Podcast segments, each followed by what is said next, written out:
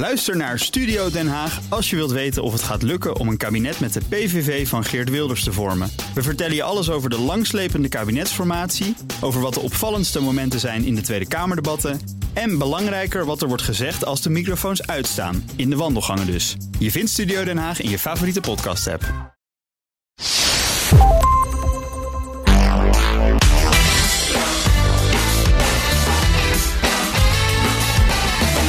Hoe ga je om met tegenslagen in je leven? En is veerkracht te trainen? Je luistert naar de Ben podcast, de podcast over persoonlijke en professionele groei van BNR Nieuwsradio. In deze aflevering hebben we dus over veerkracht en dat doe ik met twee gasten. Ten eerste Hans van Breukelen, wereldberoemd keeper. Hij schreef de boeken Mentale Innovatie en Maak je Comeback, geïnspireerd op tegenslagen in zijn eigen leven en de comeback die hij daarna maakte. Welkom Hans, mooi dat je er bent. Dankjewel Ben voor de uitnodiging. Tegenover hem zit Marjolein Kaniels. Zij is hoogleraar organisatieleren in de kennismaatschappij aan de Open Universiteit. Zij doet onderzoek naar veerkracht. Marjolein, ook leuk dat jij er bent. Dankjewel. Voor we beginnen, eerst nog even dit. Hybride werken. Dat je dus deels thuis aan de slag gaat en deels naar kantoor komt. Veel bedrijven zijn er nu mee bezig en dat geldt ook voor bol.com en KPN. Ben je benieuwd naar hun ambitie en plannen van aanpak? Luister dan naar de nieuwste aflevering van Digital Heroes. Je vindt de podcast in de BNR-app en op alle bekende podcastkanalen. We gaan het hebben over veerkracht. Ik begin meteen met een vraag aan jullie beiden. Uh, gaan we eerst maar eens even naar Marjolein. Als er nou één ding is wat je hebt geleerd op het gebied van veerkracht, waarvan je zegt, ja, dat moet eigenlijk iedereen weten. Wat zou dat zijn in jouw geval? Nou, je hebt een bepaalde mate van veerkracht, die zit in je persoonlijkheid. Maar je kunt je veerkracht ook verder ontwikkelen. En Ja. een beetje tegenslag helpt erbij zelfs. Interessant, maar dat betekent, we gaan- zo meteen de diepte in. Hè? Maar mensen die zeggen, ja, het is gewoon of je hebt het of je hebt het niet. Dat is niet waar. Nee, dat is niet waar. je kunt het en ontwikkelen. Je kunt het ontwikkelen. En mensen die zeggen, het is helemaal te leren. Dat is ook niet, niet waar. Nee, want het zit ook voor een deel in je persoonlijkheid. Ja, en dus- in de manier waarop je bent opgevoed. Ja, dus beide zijn belangrijk. Nou, daar gaan we het verder op in. En natuurlijk, vooral zijn we ook benieuwd naar de vraag: hoe kan je dat dan ontwikkelen? En Hans, als jij nou één ding zou willen delen, of mocht delen op het gebied van veerkracht, van je zegt, nou, dat moet echt iedereen weten. Wat zou, waar zou jij mee starten? Twee dingen.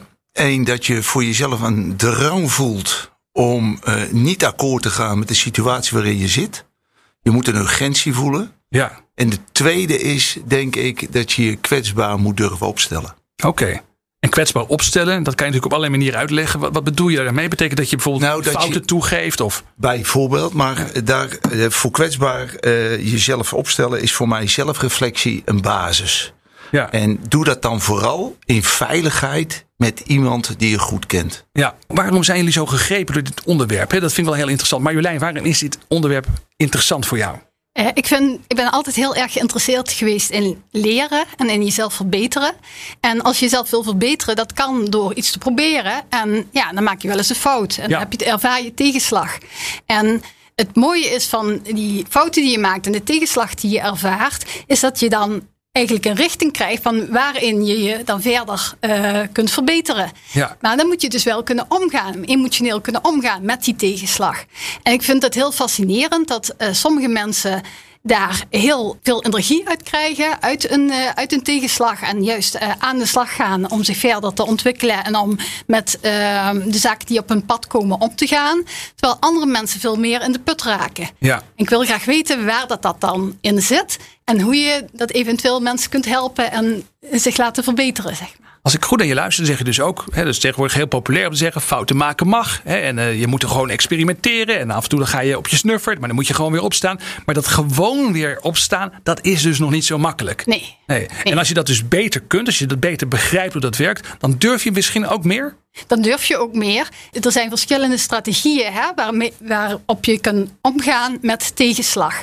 Als er, als er een negatieve gebeurtenis gebeurt, vanuit de wetenschap weten we dat je dan eerst een appraisal krijgt. Je, je- Hoe noem je dat? Wat krijg je? Een, ja, een appraisal. Dus je, een appraisal. Oh ja, je waardeert dat op de een of andere manier. je, be- ja, je, maakt een inschatting daarvan. Ja. En die eerste inschatting is, ja, moet ik nou vluchten? Eh, wat is dit voor, voor situatie waar ik in zit? Wat moet ik doen? Er komt een tweede inschatting achteraan. Aan. Ja. En dat is, kan ik dit aan? Hè? En dan ga je iets doen. En wat je dan gaat doen, dat heet dan het copingmechanisme. Ja. En eh, je ziet dat mensen dat op verschillende manieren doen. Coping, even eh, vrij vertaald, dat is omgaan met tegenslag. Omgaan met, met de tegenslag. En je ziet dat een aantal ja, mensen zullen op een positieve manier daarmee om kunnen gaan. Dat Ja. kan door bijvoorbeeld zaken te relativeren, door humor te gebruiken, door eh, sociale relaties aan te gaan. Te zeggen van nou, wat mij nou is gebeurd. Ja, wat Hans En- ook al zei, dat je samen met iemand de situatie gaat beoordelen, bijvoorbeeld doorspreken. Precies, Ja. of een actieplan maakt van nou, hoe ga ik hiermee om. En Mensen kunnen ook negatieve copingmechanismes hebben. En dat kan bijvoorbeeld zijn boos worden, ehm, of je juist eh, jezelf de schuld geven. Dus dat heet dan self-blame. Of je helemaal onttrekken aan die situatie, gewoon ontkennen dat het ooit is gebeurd. En je ziet als mensen dat doen, dat dat kan leiden tot ja, vluchtgedrag. En dat mensen eh, bijvoorbeeld eh, ja, naar verslavende middelen grijpen. Ja, precies. Dus dat, dat- kan leiden tot depressie. Ja. Ja, maar dat is dus wel interessant. Coping is niet altijd positief. Het is niet zo dat mensen altijd, eh, als je het over coping hebt, dat het altijd goed gaat. Maar er zijn dus ook mensen die eh, mechanismes hanteren, eh, strategieën hanteren, die, waar ze zelf niet veel beter van worden. Ja. Precies, en Ja. dat kun je proberen om te buigen. Hè? Want voor een deel zit het in je persoonlijkheid wat je favoriete copingstijl is. Ja. Maar het zit ook in je ervaring en in je opvoeding, hoe je dat hebt aangeleerd. Oké, nou, dat is grappig. Leuk om dat te weten. Dan weten we al een klein beetje waar we staan. Ik ga nog eventjes weer terug naar Hans. Want ja, die fascinatie dus met veerkracht. Waar komt die fascinatie bij jou vandaan? Nou, dat is denk ik eh, vooral geweest in 1987 toen ik eh, voor mezelf eh, een geboren verliezer voelde. Zo werd Ja. ik ook genoemd. Ik was het Nederlands zelf al uitgezet. Ik had van mijn hobby wel mijn werk mogen maken. Maar dat voelde echt, ja, ik twijfelde aan alles. Mijn zelfbeeld was naar de knoppen. Nou ja, dan komt er op een gegeven moment je vlucht uit Nederland met je vrouw en kinderen in een berghut in Zwitserland om geen Nederlanders tegen te komen. En mijn Ja. vrouw, die ik van mijn zeventiende af al kende, die ging voor me staan en zei van ga je vechten of vluchten? Ja, En toen zei ik, ik wil wel eh, vechten, maar ik weet verdomme niet hoe. ja, En toen zei ze, maar waarom ben je keeper geworden? En toen nam ze me eigenlijk mee naar de oorsprong. De oorsprong waarom ik eigenlijk juist helemaal gek was van keeper. ja. En dat vertelde ik haar. En toen zei ze letterlijk tegen mij: Waarom stop je daar dan niet al je energie in? Nou, ik dacht dat ik op dat moment gek was. Want zij was, eh, eh, stond altijd aan mijn zij van amateurs tot en met Nederlands elftal. Ja. Bij ons stond de bal centraal. Zij en de kinderen, die werkten aan alle kanten mee. En die zei tegen mij: Waarom stop je daar dan niet al je energie in? Waarop ik zei: Hoe bedoel je dat dan? Zegt Hans. Hoe bereid je je nu voor op een wedstrijd? En dan zag ik mezelf alleen maar fouten maken. En dan dacht ik: Oh jee, als ik dat, dat, die fouten moet ik niet maken. Toen zei ze, Ja. als je diezelfde tijd benut om je de ene en de andere de redding zien te maken, dan ga je met een heel ander gevoel het veld in. En als je dan van een geboren verliezer in 87 binnen 10, 11 maanden met je collega's van PSV en Oranje een gemaakte winnaar wordt, dat heeft mij als mens zo ongelooflijk gevormd dat ik geloof dat iedereen die echt op zijn bek gaat uiteindelijk zelf de veerkracht kan hebben om met een aantal stappen weer de regie over zijn eigen leven te krijgen. Ja. En dat fascineert mij. En dat wil ik graag met mensen delen. Wel mooi dat je echt helemaal teruggaat naar 1987. Eh, wij zaten hier eh, in het voorgesprek al een klein beetje eventjes met elkaar daarover over te hebben. Of we dat allemaal hadden meegemaakt. Maar Jolijn, jij weet dat ook nog 1988 hè? Absoluut. Ja, Nederland Europees kampioen. Met jou eh, in het doel dus, hè, Hans. Ehm, ja, maar wat dat dus voorspeelde, wat je dus nu net beschrijft, daar had ik dus geen weet van. Nee. En dan zie je hem eh, bijna, eh, wat is het, 30 jaar later. Nee, ruim 20 jaar later, 25. Toen ik directeur geweest was van de KVB. Waar Ja. ik met, na een jaar mee stopte. Ik wou er zelf niet direct over beginnen. Maar, nee, eh, maar, maar eh, toen viel ik voor mezelf in een, in een zwart gat. Ja, En toen eh, had ik bijna het, hetzelfde negatieve zelfbeeld. Was ik dingen weer aan het vermijden. Ja. En toen dacht ik van ja, weet je, ik, heb, ik liep lekker te golven. Ik heb nooit zoveel gegolfd. Ik ging met mijn vrouw eh, allerlei eh, vakantietjes houden. En ik voelde me diep ongelukkig. En Ja. toen dacht ik ja, wil ik zo verder oud worden? Met, met, met, met dit negatieve gevoel. En dat is weer de aanleiding geweest om dat boek te schrijven van Maak je comeback samen met Ja. Benno Diederiks. En dit zijn voor mij nog triviale voorbeelden. Hè? Want eh, twaalf jaar geleden verloor ik mijn vrouw Ja. aan alvleesklierkanker. En de, dat de vrouw is die jou überhaupt heeft precies geholpen om waar die ik stappen te bijna maken. 36 jaar samen mee, eh, mee samen geweest ben. Het feit dat ik over mijn vrouw begin, ze inspireert mij nu nog. Zij heeft mij mede aangezet om weer een nieuwe relatie aan te gaan. Ik ben vijf jaar geleden met Carolijn getrouwd. Mooi. En dat, is, dat, dat zijn allemaal cadeautjes. En als ik dan over mijn overleden vrouw praat, is dat nog steeds in een hele positieve mindset. En daar heb je weer, want je denken bepaalt je gevoel en je gevoel je gedrag.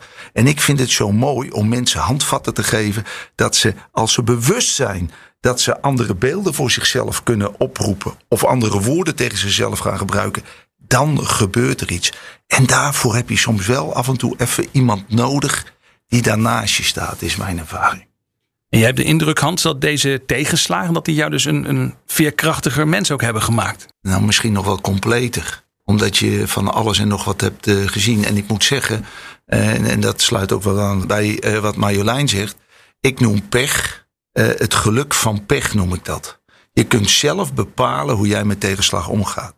En dat is voor de ene veel makkelijker dan voor de ander.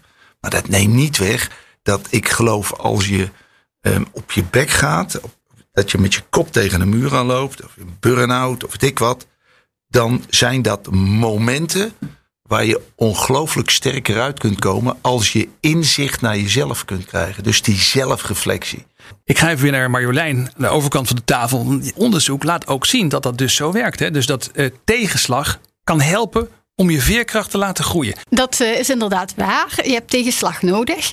Uh, maar uit onderzoek is, hebben ze een keer uh, uitgezocht. Als je nou tegenslag ervaart, kun je daarmee die veerkracht echt opbouwen.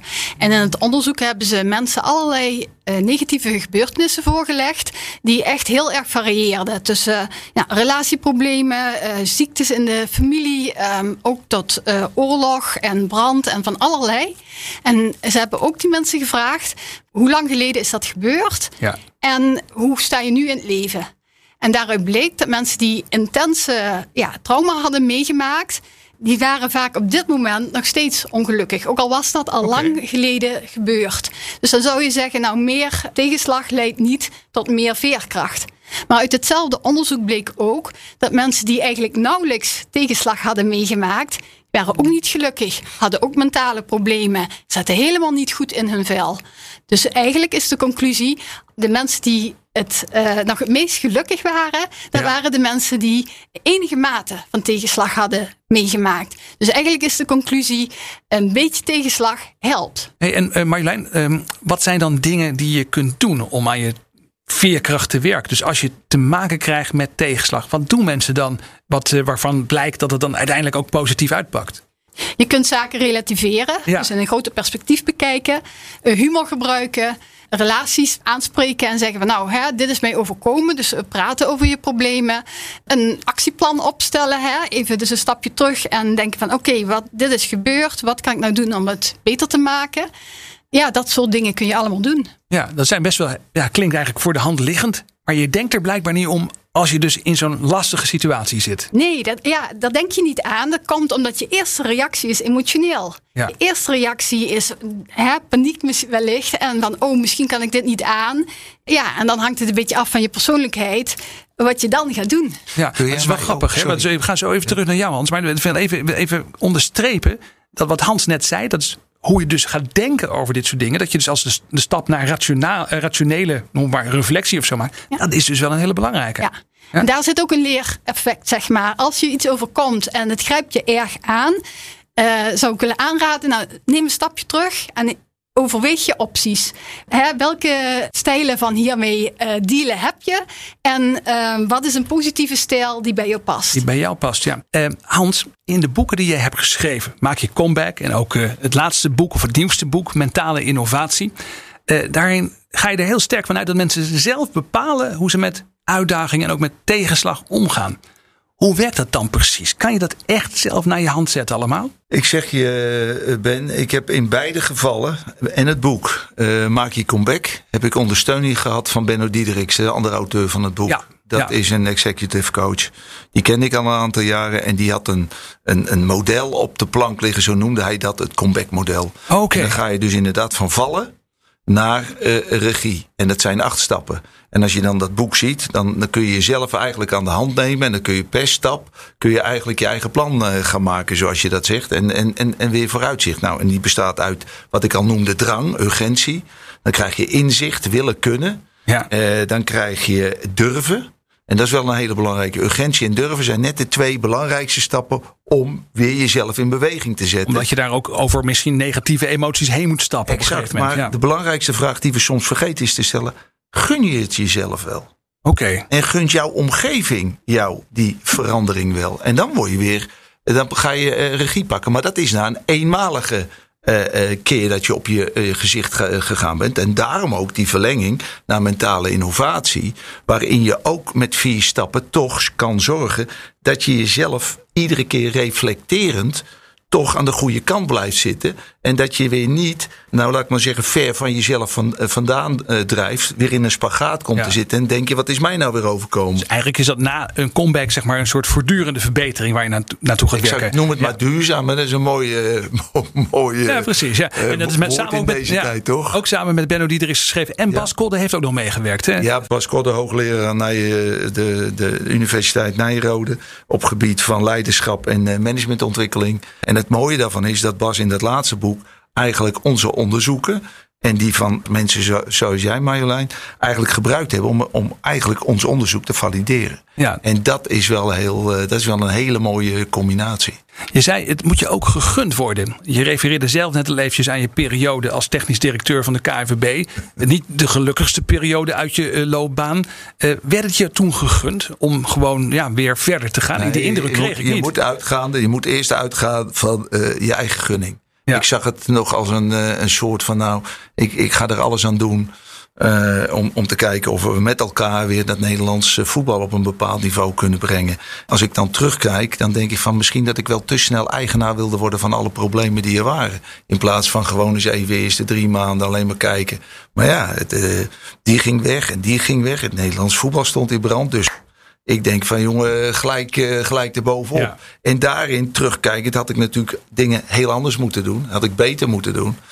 Uh, ik had het idee dat het door mijn handen, ge, door ja. de vingers geglipt was. Nou, en dan vraag je jezelf, heeft het nog wel nut om door te gaan? Is het je nog wel waard om door te gaan? En dat zijn vragen volgens mij die ieder mens wel eens op zijn op tijd kan stellen. Ja. En kijk, als je nou praat over gunnen, dan, dan is het op een gegeven moment dat je weer toch weer met je kop boven het, uh, het maaiveld uitkomt bij de uitgave van het boek Maak je Comeback. Ja. He, dan heb je wat ik dan noem de beoordelaars weer klaarstaan. Nou, daar hebben we het boek niet voor geschreven. Daar hebben we voor de nadenkers geschreven. Ik heb even de mensen in tweeën geknipt. De beoordelaars, dat zijn de mensen die alles en iedereen de maat nemen. Het prima allemaal weten hoe het moet, maar zelf geen verantwoording dragen. Ja. En de nadenkers, dat zijn volgens mij mensen die bezig zijn met hun persoonlijk welzijn.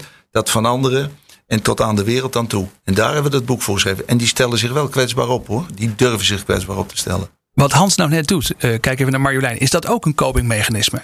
Dat is ook een copingmechanisme. En het doet me ook wel denken aan ja, het, um, de karaktertrek veerkracht is eigenlijk, uh, die staat naast een aantal andere karaktertrekken, namelijk hoop, optimisme en geloof in het eigen kunnen. En die karaktertrekken samen, dat noemen we een, een eigenlijk psychologisch kapitaal in de wetenschap. En dat is wat je zelf meeneemt uh, hè, als karakter um, uh, over hoe je bent en hoe je tegen tegenslagen aankijkt. Dus ook dat geloven in eigen kunnen, van nou, ik, ik kan dit aan, is ook een belangrijk ja, onderdeel daarvan. Ja, maar ook dus zeg maar uh, de mensen die het je bij wijze van spreken misgunnen, uh, als het ware ook eventjes buiten beeld zetten. En gewoon zeggen, ja, daar doe ik het gewoon allemaal niet voor. Precies, ja. ja en concentreren op de dingen die je zelf in de hand hebt. Dus die je zelf wel kan doen. En nou zegt Hans, uh, dat is wel grappig, hè? Hans heeft er dus twee boeken over geschreven. Jij doet er onderzoek naar. Als ik nou de boeken van Hans lees, of ik lees onderzoeksartikelen van jou, Marjolein. Is het dan zo dat ik ook daaruit kan leren om meer veerkracht te ontwikkelen? Helpt dat dan? Ja, dat helpt zeker. Alleen denk ik wel dat je het ook moet trainen. Want je moet een aantal keren in die situatie komen. Dat zagen we ook net. Hè? Mensen die het een aantal keren tegenslag hebben meegemaakt en het doorleefd hebben, die doen ervaring op.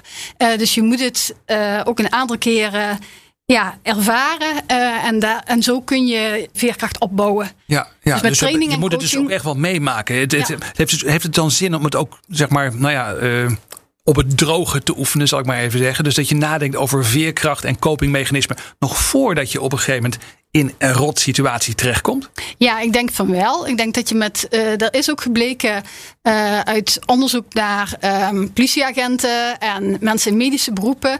dat training en coaching helpt om veerkracht op te bouwen. Ja, nog voordat je dus op een gegeven moment ook met tegenslagen te maken krijgt. Precies. Ja. ja. Ik ga even weer terug naar Hans. Want uh, Hans, ik ben wel heel benieuwd. Jij doet ook veel in het bedrijfsleven. Je bent een veelgevraagd spreker. Um, als je nou zeg maar bij bedrijven over de vloer komt, heb je dan de indruk dat dit onderwerp hoog genoeg op de agenda staat? Nee, dat denk ik niet. Maar het, het, het voor mij het allerbelangrijkste woord. Uh, en dat heeft uh, Marjolein net al gezegd. Maar dat is het woord veiligheid. En, uh, en, en veiligheid thuis. En ik heb het geluk gehad als kind dat ik in een veilige omgeving ben mogen opgroeien. ik heb steeds in een veilige situatie op school gezeten, noem het maar op. in een veilige situatie thuis. En soms kom je wel eens onveilige situaties. En dan moet ik toch altijd wel denken ook aan Lencioni die uh, piramide. Ja, ja. Om uiteindelijk. Patrick uh, Lencioni, bekende managementschrijver. Ja, precies. Die, die, die begint als baas vertrouwen. Maar ik denk dat er één woord voor moet staan, dat is veiligheid. Want als je praat over vertrouwen naar elkaar, dan heb je kans om echte conflicten aan te gaan. Maar constructieve conflicten. En niet dat je er gelijk op afgerekend wordt. Dan heb je een basis volgens mij om met elkaar stappen te gaan maken naar resultaat. Want dan gaat iedereen zich eh, verantwoordelijk voelen, betrokken voelen. En dan krijg je die resultaten. En, en wij roepen maar, je moet vertrouwen hebben, je moet vertrouwen hebben, je moet vertrouwen hebben. Dan denk je, joh, zo de niet op op basis waarvan. Ja, dat klinkt altijd een beetje, dat vind ik een beetje klinken naar een soort tweedehands autoverkoper. Die zeggen, je kunt me vertrouwen hoor. Dat is, uh, ja, dan denk nou, je meteen, nou dat, dat kan ik dus niet blijkbaar. Maar je, ja. je moet het wel, maar dat kan pas als iemand zich veilig voelt. En wat doen wij binnen bedrijven? Om mensen in feite veilig te voelen. En met name ook, en dan kom ik toch weer bij Bas Kotter terecht, bevlogenheid. Dat vind ik ook zo ongelooflijk iets. Want in bevlogenheid zit veel meer dan tevredenheid van een medewerker. Ik, ik, ik roep ook altijd, dat roept Bas trouwens ook, gooi die, dat medewerkers tevreden onderzoek zo snel mogelijk in de kliko. En ga uit van een bevlogen medewerkers. Uh, Mensen die echt emotioneel gaan voor het werk. Die nou, echt zin voor mij is het vitaliteit, weet je wel. Dat je fit bent uh, in de kop, maar ook in je lijf. Dat je toewijding hebt omdat je je werk zo leuk vindt. En omdat je het zo leuk vindt, ook heel erg bezig bent om jezelf te ontwikkelen. Ja. Nou, ik kijk, ik kijk weer naar de overkant zijn. van de tafel weer. Maar ik zie gelukkig een knikkende Marjolein. Ja, ja, precies. Want het zijn ook thema's die in het bedrijfsleven enorm spelen. Hè. Dus psychologische veiligheid is echt een hot topic de laatste jaren. Uh, bevlogenheid, daar gaat het ook steeds meer over. Ik zie jou knikken. Dat is dus echt belangrijk ook. Eh, ja, dat is heel erg belangrijk. En we weten ook uit onderzoek dat bevlogenheid precies die elementen bevat die eh, Hans net noemt. Hè. Dus vitaliteit, de toewijding aan zaken en ook ja, je, dat je helemaal geabsorbeerd bent door hetgeen waar je mee bezig bent. En dat zijn eigenlijk drie onderdelen van bevlogenheid. En dat is eigenlijk een beetje de tegenhanger van burn-out, zou je kunnen zeggen. En help me dan nog even hoe draagt dat dan weer bij aan veerkracht? Want dat is het onderwerp waar we het over hebben. Dus hoe hangen bevlogenheid en psychologische veiligheid, hoe hangt dat nou samen met veerkracht? Ja, het zijn eigenlijk drie verschillende dingen. Dus je moet wel uit elkaar uh, houden, zeg maar. Dus bevlogenheid is echt dat je uh, voor je werk gaat. Uh, veerkracht is meer het incasseringsvermogen. Dus als er iets, een tegenslag gebeurt, dat je daarmee om kan gaan. Maar als je dus erg bevlogen bent, ligt het voor de hand dat je ook veerkrachtiger kan reageren. Hè? Als je het, de psychologische veiligheid voelt in die organisatie, dan uh, durf je daar ook uh, ja, met die tegenslag uh, met anderen over te praten.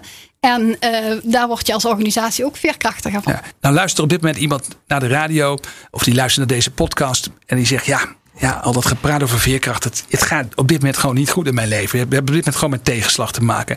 Wat is nou een tip of een advies? Gewoon één tip voor jullie zeggen, joh, begin daar eens mee. Ik ga eerst even naar Marjolein realiseer je uh, dat je in die situatie zit. Reageer niet meteen met je emotie, maar doe een stapje achteruit en bedenk wat je opties zijn. Bedenk uh, op welke manier je uh, met dat probleem kan omgaan. wil je het aan anderen vertellen? Wil je het, kun je het relativeren? Zijn er positieve manieren om met dat probleem om te gaan? Zet eerst maar eens een paar verschillende manieren op een rijtje en kies dan iets wat bij je past. Dat zei je al eerder, dat is heel belangrijk. Ja, ik kijk naar Hans. Laatste woord is aan jou. Ik zit in een dip. En hier is Hans van Breukelen. Nou, ik denk dat het belangrijkste is dat je, wat uh, Marjolein ook zegt, het onderkent. En dat je iemand zoekt om daar in alle veiligheid gewoon eens mee te praten. En dan is het mooi als je voor jezelf terug zou kunnen denken naar een moment in je leven waarin je echt gelukkig was. Uh, en dat je dat beeld weer oproept. En dan voor jezelf ook bedenkt van wat voor woorden gebruikte ik daar toen. En wat gevoel creëerde ik. Wat voor beeld zag ik voor me. En, uh, en daar wil ik dan wel, wel graag terugkomen. En dan voor jezelf stappen maken om dat weer te gaan realiseren. Ik dank mijn gasten. Hans van Breukelen, voormalig topkeeper, nu schrijver en spreker. En Marjolein Kaniels, hoogleraar organisatieleren in de kennismaatschappij aan de Open Universiteit. Dit was de Ben Tigelaar podcast over veerkracht. Ook Hugo Reitsma vind je in de BNR-app. Superhandig die BNR-app. Je kunt alle programma's live luisteren, breaking nieuwsmeldingen. Je blijft op de hoogte van het laatste zakelijke nieuws. En je vindt er alle BNR-podcasts, waaronder natuurlijk de belangrijkste, Boeken zijn in de wijk. Download nu de gratis BNR-app en blijf scherp.